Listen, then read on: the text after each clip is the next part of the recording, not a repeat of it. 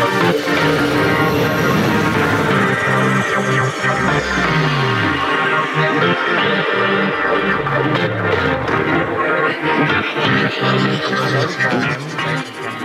bersama seseorang yang dari awal karirnya berada di MD dan sampai hari ini kita masih berhubungan sangat baik. Siapakah dia? Randy Pangalila.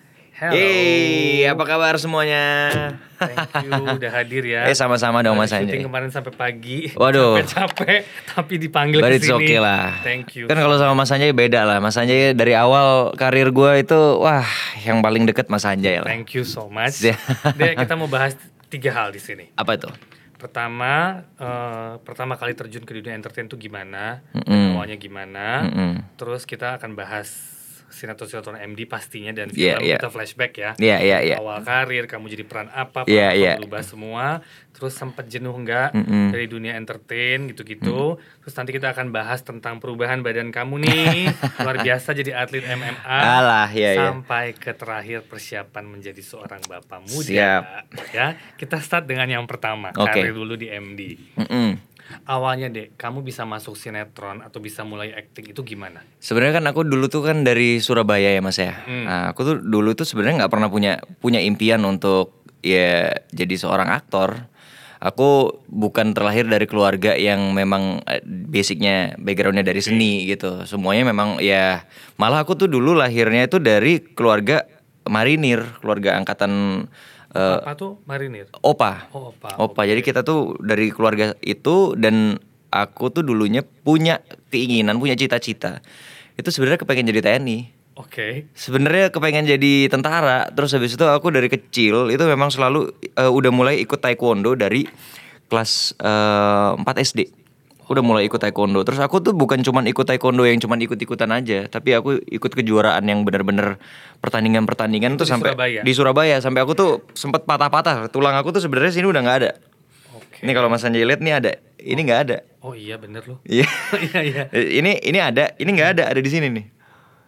Jadi aku tuh dulu Gara-gara- fight waktu waktu pertandingan-pertandingan itu. Jadi basically tuh aku memang dulunya tuh kepengen tuh jadi atlet gitu. Terus eh, singkat cerita aku ketemu sama almarhum manajer aku yang dulu Mas Teddy. Dia yang ngajak aku untuk pindah ke Jakarta untuk nyobain siapa tahu kamu punya eh, chance untuk eh, jadi aktor gitu. Ya udah, aku cobain aja datang ke sini casting-casting di ya macam-macam tempat lah, macam-macam tempat. Banyak caster-caster itu yang bilang, "Gue mau nih, tapi bahasannya medok banget loh gitu. Dulu ya kan. waktu masih Surabaya banget. Waduh, waktu pertama kali casting. Halo, nama saya Randy Pangalila, tinggi badan 174 cm, berat badan. Wah, us itu Surabaya banget gitu. Terus sama Mas Teddy itu suruh, "Dek, lu gaul kayak itu sama orang-orang Jakarta gitu biar bahasanya tuh lebih Indonesia yang baik dan benar gitu. Jadi jangan terlalu daerah banget gitu. Oke ya, dari situ proses-proses sampai eh pertama kali aku dapat series itu ya di MD. Pertama kali aku dapat series itu di MD, waktu itu masih belum zamannya stripping. Iya masih weekly. Masih weekly, ya, itu aku masih ingat banget aku mainnya sama eh, Mania, sama eh, Habibi. Itu judulnya kalau nggak salah Alicia. Kalau nggak nggak salah itu Salah. peran aku tuh masih yang ya yang nggak ada juga nggak apa-apa. Tapi ya itu it, it it's it's the process gitu. Proses, Dan itu penting banget sih. Jadi kalau misalnya aku ngerasa eh, perjalanan karir di di dunia acting itu aku perlu ngelewatin semua ini. Kalau aku tiba-tiba langsung dapat peran yang berat, aku yakin aku masih belum belum mampu untuk menjalani itu gitu. Nah, dengan dengan aku dapat peran-peran yang kecil-kecil dulu, aku tahu how to apa ya eh, menempatkan diri di lokasi syuting itu seperti apa sih. Terus oh sutradara maunya kayak gini tuh aku menyesuaikan seperti apa sampai akhirnya dapat kesempatan lagi sama dari Mas Anjay untuk masuk ke Cinta Fitri, Fitri. itu. Itu pertama kali kita stripping. Itu pertama kali aku stripping. Kamu juga stripping. Pertama kali stripping dan waktu itu kaget banget kan. Yang namanya syuting weekly itu kan beda banget. Banget. Satu episode tuh paling seminggu. Betul. Satu hari itu pa- paling callingannya 6 scene, 7 scene. Begitu stripping datang jebret 30 scene dong satu hari. Hah? Ini gimana selesaiinnya nih? Wah, zaman-zaman itu kan waduh pulang pagi lah apa segala macam. Tapi di situ serunya sih. Jadi kayak everyday kita syuting itu itu membuat aku pada saat itu seorang pendatang baru, seorang aktor baru itu jadinya ya everyday jadi latihan. Betul. Jadi practice make perfect karena tiap hari aku latihan, tiap hari tiap hari ya salah, tiap hari dibenerin sama sutradara, akhirnya ya lama kelamaan mulai dapet nih Ya, eh, feel-nya, formula. Oh oke acting tuh begini, oke mainnya begini gitu. Sampai akhirnya eh Mas Sanjay kasih kesempatan lagi. Habis dari Cinta Fitri itu aku dikasih kesempatan sama Mas Sanjay untuk jadi leading role. Reading role, Nah, waktu itu aku di judul Cinta Kirana, aku masih ingat banget. Sama Nia juga. Sama Nia juga gitu. Nah, itu itu sempet deg-degan banget sih waktu itu karena ya aku kan biasanya jadi peran tambahan, Ya, supporting dulu. supporting dulu, terus tiba-tiba dapat leading role itu kan apa ya beban beban apa ya kita punya tanggung jawab gitu sama cerita sama sama sama ya perannya perannya aku gitu kan. Nah, itu itu challenge-nya beda lagi. Jadi meningkat meningkat meningkat terus sampai akhirnya ya terus-terusan sampai ya manusia harimau dan putri duyung dan lain-lainnya itu. Tapi sempat main film juga kan? Sempet dong. Sama kita juga sempat kan? Sempet Oh Baby kan? yes. Oh Baby. Itu Oh Iya. Baby sama Cinta Laura. kan, Iya, pertama betul. kan.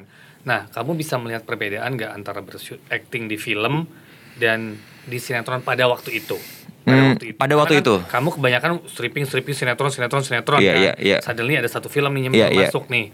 Pada waktu itu aku nggak bisa ngerasain sih apa bedanya Kalau sinetron. kan you know better. Ya, the I know, I know, ya. I know what's the Ya, different. ya. Aku tahu apa tanggung jawabnya berbeda, apa apa isi ceritanya itu udah udah ya experience kan.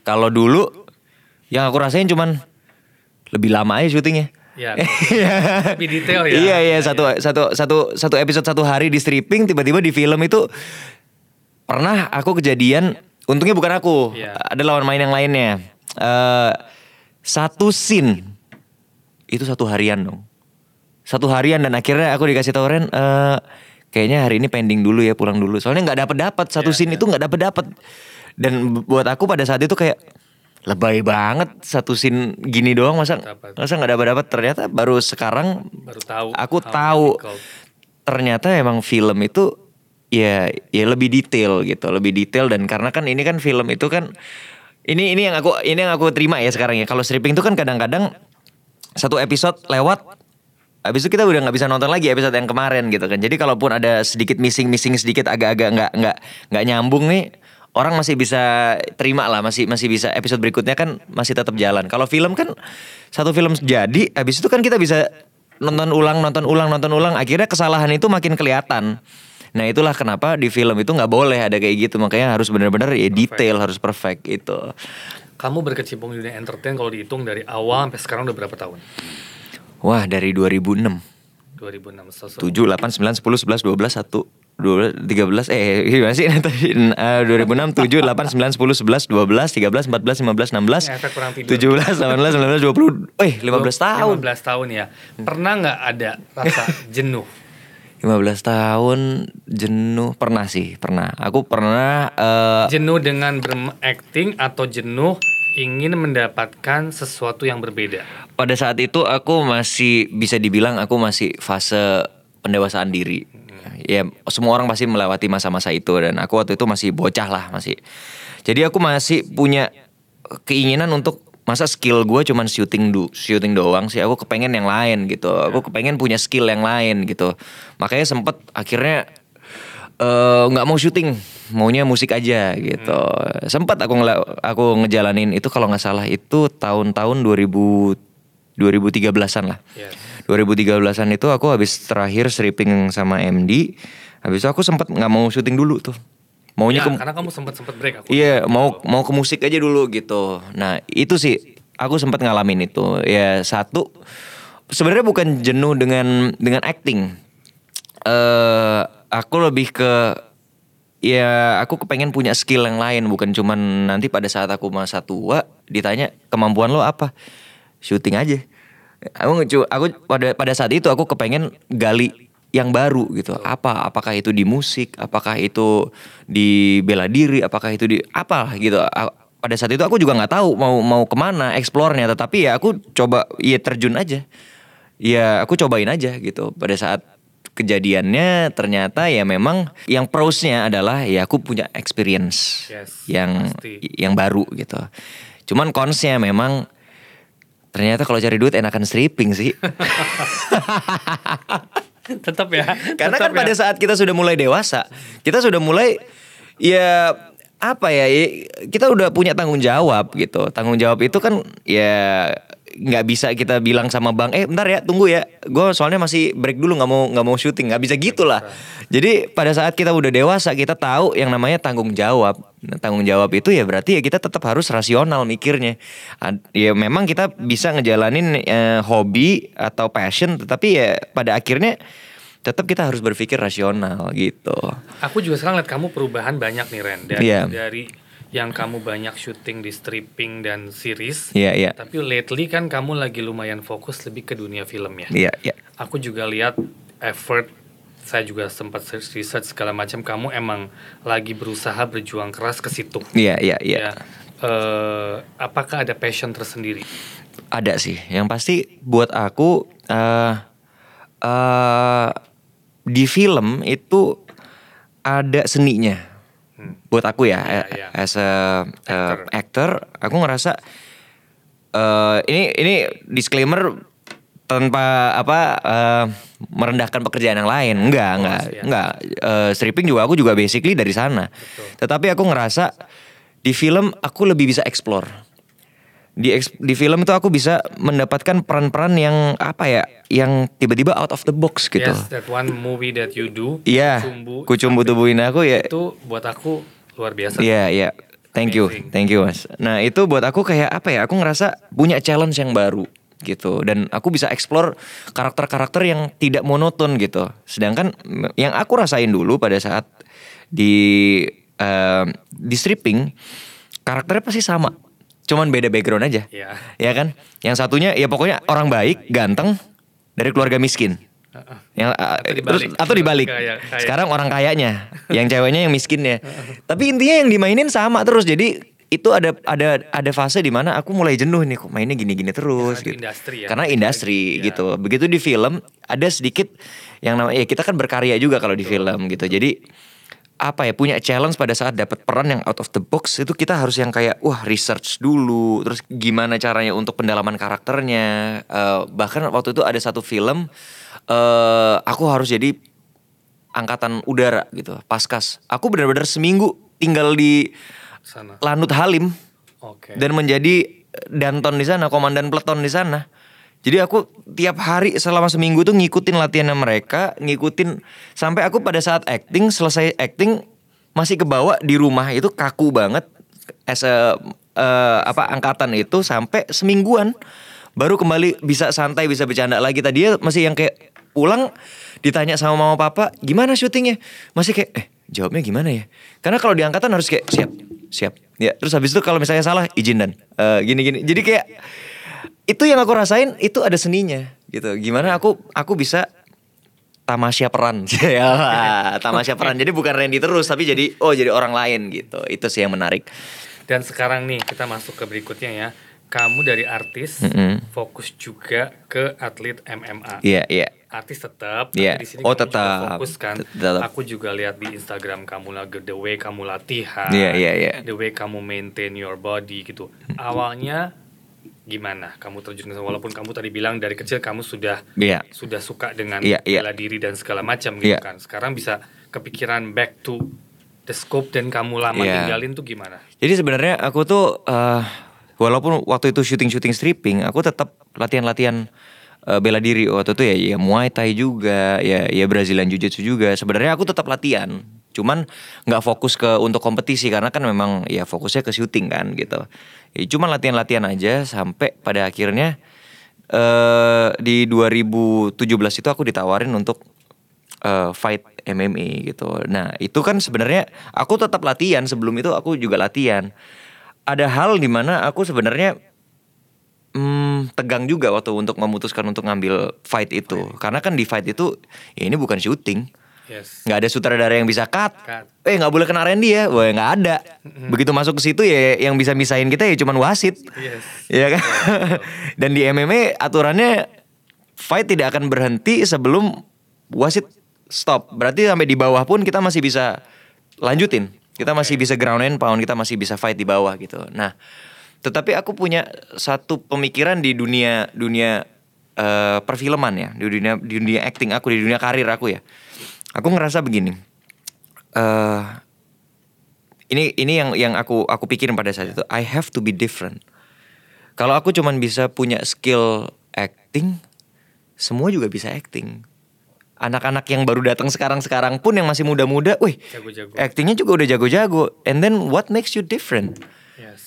Kalau lu cuman kasih acting muka-muka yang ganteng-ganteng, man, one day juga akan ada datang yang baru, yang lucu-lucu, yang yang yang yang lebih Regenerasi. regenerasi lagi gitu. Nah, jadi aku harus punya something else gitu. Nah, di situ aku mikir aku harus take the risk gitu. Aku harus ambil resiko untuk menjadi beda. Itu maksudnya gini, aku punya punya sesuatu yang eh, mungkin tidak semua aktor yang lain punya, yaitu adalah experience bener-bener bagaimana sih turun ke oktagon yang serius. Experience-nya ya. Iya. Maksudnya itu yang akan bisa aku pakai di suatu saat misalnya aku dapat peran di film atau apa untuk fight di oktagon I know how it feels Oke. aku bukan cuman seperti yang tadi aku bilang aku dapat peran uh, jadi uh, apa angkatan udara aku aku masuk, Masuk sendiri gitu. aku rasain gitu. Jadi aku nggak nggak cuman artificial acting gitu yang cuman ya acting pura-pura jadi tentara padahal ya you don't know how it feels to be an, an army gitu kan gitu. Nah di fight pun begitu. Aku bukan cuman sekedar aku pikir gini suatu saat kalau aku dapat peran fight di MMA aku nggak cuman sekedar oh ya pura-pura fight MMA but I know gimana caranya gimana tegangnya naik ke atas oktagon gimana tegangnya uh, ngelihat oktagon berdoa di depannya. Habis itu masuk tek itu rasanya bener-bener kayak man itu different. Bener-bener kayak mm, deg-degannya. Terus habis itu apa ya tangan dingin semua itu I feel that. Dan ya. dan aku ngerasa itu yang akan membuat aku punya experience yang lain daripada eh, rekan-rekan aku yang lainnya gitu itu yang makanya kenapa aku I want to take the risk untuk Terjun ke sana. ya untuk terjun di situ Tapi kan pasti kamu ngerubah segala hal ya dari pola makan, Of course. hidup. ya Nah itu juga kan bukan sesuatu yang gampang di mana waktu kamu selalu syuting itu kan you know lah kalau syuting on location makanan, Makan, iya, iya. tengah malam dan iya segala iya macam. iya Itu kan perlu adjustment to your body. banget Itu gimana? honestly untuk fight aku yang kedua mas aku habis syuting film. Film hantu pula. Nah. You know what, film hantu kan pulang pagi, pulang pagi, makan juga sembarangan.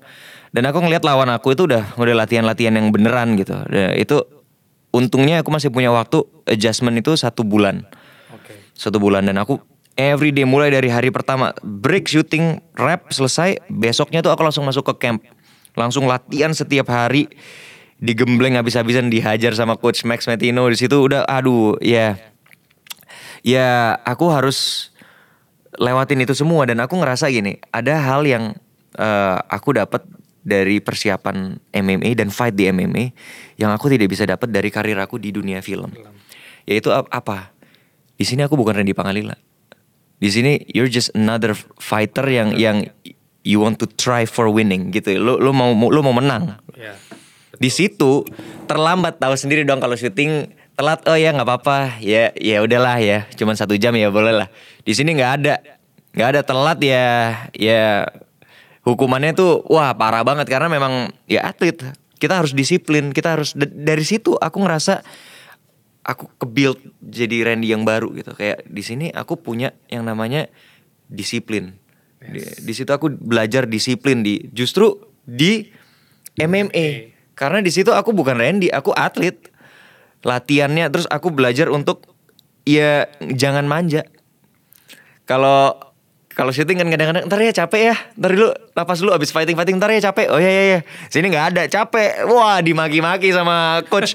Lu capek lu capek di sini lu mati di oktagon. Gitu. Bener-bener. lo harus fight di sini lo harus fight. Wah makanya itu ada video-videonya juga kan aku pada saat wah, udah lemas masih dihajar aja karena itu apa ya latihan untuk self defense gitu. Pada saat kita udah nggak bisa fight kita tetap harus ya fight for your life gitu. Kayak ya bangun. Iya. ya bangun ya. Ya you, you have to fight gitu. Dan apa ya aku mendapatkan sesuatu yang aku pelajarin di MMA adalah eh, respect juga gitu. Yes. karena kita karena kita latihannya itu berat so we respect that job gitu. Pada saat jadi sekarang siapa pun yang fight aku tetap respect sama mereka. Karena aku tahu persiapannya tuh gila banget semuanya tuh persiapannya gila-gilaan. Dan dari situ aku belajar hal yang baru juga.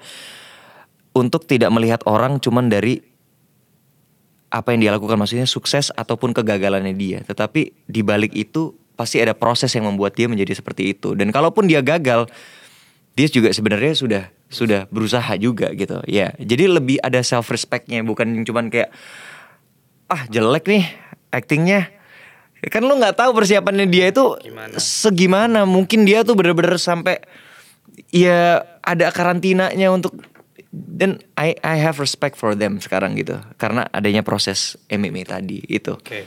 Antara artis dan MMA is a completely different thing. ya very Dalam dunia artis itu pasti kan looks is very important. yeah Kita harus akuin itu iya ya. iya iya iya Dengan kamu fighting, iya iya pasti kan ada kecenderungan kamu kepukul. iya iya Ada nggak kewaritan? This is your asset loh. Iya, gitu iya, iya, Ini iya. Aset kamu gitu loh. Iya, iya. Pasti kan ada karena kamu kan tetap menjalankan dua dua dua dunia tersebut Iya, iya, kan. iya. Gitu. Nah, ada nggak kewaritan kalau gue sampai kepukul hidung gue penyok nih gitu Iya, kan. iya, iya. Misalnya something like that. gitu. Nah itu gimana tuh? Itu pasti kan dilema juga. Iya iya. Sebenarnya ada sih satu titik pada saat pertama kali aku fight karena kan semua ada dapat dapat masukan dari ya termasuk mama, termasuk Yes, apa. pasti. Kamu tuh kan pekerjaan utamanya adalah seorang aktor. Kalau hidungnya penyot gimana? Betul. Kalau tiba-tiba berdarah sobek gimana gitu kan. Tapi pada saat itu apa yang membuat aku mikir yang tadi aku bilang. Ya ini adalah resiko yang harus aku ambil untuk menjadi beda. Kalau aku cuman terus-terusan ada di zona nyaman yang ya udahlah acting-acting gini-gini aja, I'm not gonna be different. Kalau aku terus-terusan ya udah aku udah nyaman kok dengan seriping-seripingan begini. Ya udahlah ini aja yang aku aku di zona nyaman terus. Aku tidak akan menjadi Randy Pangalila yang sekarang. Tapi itu adalah resiko yang aku ambil ya memang anything can happen di sana bisa aja hidung aku patah tiba-tiba ya ya itu adalah salah satu resikonya yang Ya, kamu harus yang tahu. udah aku apa ya konsekuensinya sudah aku pahami dan aku sudah ambil makanya pada saat itu kan aku selalu bilang laki-laki tanpa luka adalah laki-laki tanpa cerita bagus tuh quote-nya. Iya. Iya. Bagus tuh. iya. aku bilang iya karena apa? Untuk mendapatkan cerita yang bagus ya itu pada saat aku fight di itu tuh kan adalah experience kan. Yang suatu saat aku mungkin bisa ceritain ke anak cucu aku besok-besok. Ya aku harus mengambil resiko ya mungkin aku akan luka. That's why laki-laki tanpa luka adalah laki-laki tanpa cerita. Perfect. Next nih, kamu kan lagi soon to be a father. Nah ya. Awal karir kamu ini kan ber- ber- ber- punya istri yang mungkin bukan dari Indonesia ya. Bukan dari Indonesia. Pasti perlu adaptasi kan. Iya iya. Itu lumayan kesulitan awalnya ada nggak? Eh. How you just let it flow and then aman. I just let it flow lah. Aku seumur hidup aku Mas Anjay apa pun aku jalanin aja. Karena seperti yang aku bilang dari awalnya tadi kan, aku juga kepengennya jadi jadi tentara. Iya. Tiba-tiba aku jadi jadi aktor tuh gimana ceritanya? Because I believe apa pun yang kita rencanakan tetap fate kita tuh sudah di ditulis, sudah diatur. Jadi kita jadi kita tetap jalanin aja dan aku percaya pada saat itu kenapa aku bisa tiba-tiba ketemu sama istri aku dari Kanada. Ya memang dia jodoh yang sudah diatur buat aku. Jadi apa pun yang terjadi pasti akan Jalanin ketemu aja, gitu. Dan dan seberat apa pun itu kalau kita pikirin berat ya pasti akan berat. Tapi kalau kita jalanin aja sebenarnya eh, pelan-pelan pasti akan selesai juga kok. Kayak awal-awalnya yang berat ya ngurus kitasnya, Yes. ngurus segala macamnya pernikahan beda negara itu ribet loh. Yes. Jadi kalau misalnya ada yang nanya, "Kak, gimana sih cara kalau kalian sudah siap ribet silahkan. Kalau belum mendingan nggak usah ya. Karena Oke. itu ribet banget ngurus kitasnya, belum lagi untuk surat-surat pernikahannya, belum belum lagi nanti untuk eh, kartu keluarga harus sudah pernikahan 2 tahun, harus pindah dari kitas ke kitab dulu baru aduh itu ribet banget. Belum lagi nanti aku punya anak. Aku udah siap nih habis ini udah eh, ke imigrasi kemarin udah dikasih tahu. "Eh, mas nanti begitu punya anak paspor Kanada abis itu bikin bikin apalah itu untuk untuk supaya dia bisa dua dulu. Sampai umur 18 tahun dia bisa pilih mau mau Kanada apa Indonesia. Jadi itu prosesnya juga alright here goes nothing. Udah jalanin aja udah dibawa happy aja. Kalau kita stres stres stres ya kita nggak akan enjoy life gitu. Ya udah jalanin aja ada ada problem satu-satu kita selesaiin dah. Gitu aja. Lahiran soon ya. Tiga minggu lagi. Tiga minggu lagi. Ya, I'm gonna be father. Nah, Ya. terus persiapannya gimana nih? Pertama kali buat kamu to be a father. Ya, persiapannya sih ya nggak enaknya di sekarang lagi era pandemi juga kan.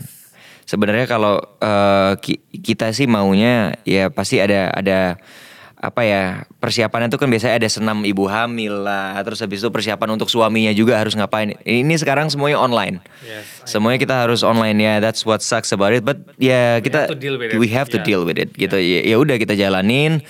Ya paling ya cuman latihan-latihan berdua sih ngeliat video gimana caranya ngangkat perutnya istri kalau udah gede kan sakit. Iya. Ya jadi harus diangkat dari belakang kayak gitu-gitu sih. Terus ya eh jadi suami siaga sih, ya, siap antar jaga. Jadi kayak misalnya minggu lagi ya. dan aku udah mulai kayak dulu yang aku tidurnya itu eh ada bencana alam juga nggak bangun. I know you. Iya kan, tahu kan? banget bangun bener tadi kita nggak bahas itu loh Iya. Setiap syuting banguninnya Randy Pangalila baiklah iya, sekarang itu udah beda banget. Sekarang tidur jam 3 pagi, istri gerak dikit langsung bangun. You okay? Ya. You need to go somewhere? Oh, no, no, it's okay. I, I, I just need to go to the bathroom. Ya udah. Kayak standby takutnya kan tiba-tiba Ya dokter bilangnya tanggal berapa, tapi kan banyak sekali kejadian majunya bisa dua minggu, maju bisa 10 hari. Jadi kayak ya harus begitu. Jadi ya, kayaknya apa ya? Tanpa disengaja, tanpa disadarin eh, insting ya you're gonna be a father itu akan datang sendiri gitu. Jadi kayak tiba-tiba punya tanggung jawab aja yang yang tadinya mungkin dulu waktu masih muda juga karena masih bocah tanggung jawab itu nggak ada. Jadi ya udah tidur tidur tuh udah bencana alam juga nggak bangun. Ya mas Anjay tahu lah kita juga dulu sering banget liburan bareng ke Bali rame-rame sama semuanya. Wah Randy Pangalila tidurnya yang paling dia. susah bangun oh my nih. Sekarang udah nggak bisa sih memang harus kayak wah bangun. Kadang-kadang kurang tidur kurang tidur tapi bangun gitu. Kalau dulu nggak bisa tidur gua harus cukup. Ya. Persiapan nama dan segala macam nama ada cuman kita masih keep dulu Keep for dulu, secret pasti. ya ada dong ada ya pokoknya all the best Randy Amin, terima kasih Mas luck for the Anjay. baby for sure Thank for you. your wife for your career pastinya Thank you. kita harus kerjasama lagi soon ya Ayo udah dong. lama banget kita nggak kerjasama how many years Aduh, udah lama banget lumayan terakhir kita 2016 sekarang kali. fokus ke web series dan Iya, segala iya. macam so I think we can do something pesan dan kesan dong Randy buat yang dengerin kita nih kan dari kamu tadi dalam hidup harus struggle harus berjuang something like that Iya. mungkin heeh. Apa ya? Wah, ini ini dadakan loh ini. Oke, oke. eh, Oke, mungkin aku mau kutip dari yang tadi aku bilang Kamu kenapa bilang, kenapa aku harus aku mengambil resiko ke dunia MMA ya. Buat aku kita kalau terus-terusan hidup di zona nyaman, kita di- tidak akan bisa menjadi the best of the best gitu. So we have to take the risk karena aku selalu belajar dari orang-orang yang sukses. Kita jangan cuma ngelihat kesuksesan mereka, tetapi di balik kesuksesan mereka, mereka pasti mengambil resiko yang kita sendiri tidak pernah bisa membayangkan. So don't be afraid to take a risk. Yes. Thank you so much. Yeah, thank It's you. amazing quote. Jangan lupa like, comment, and subscribe. Thank you for today, Randy. Thank you, Mas Thank Anjay. you, everyone.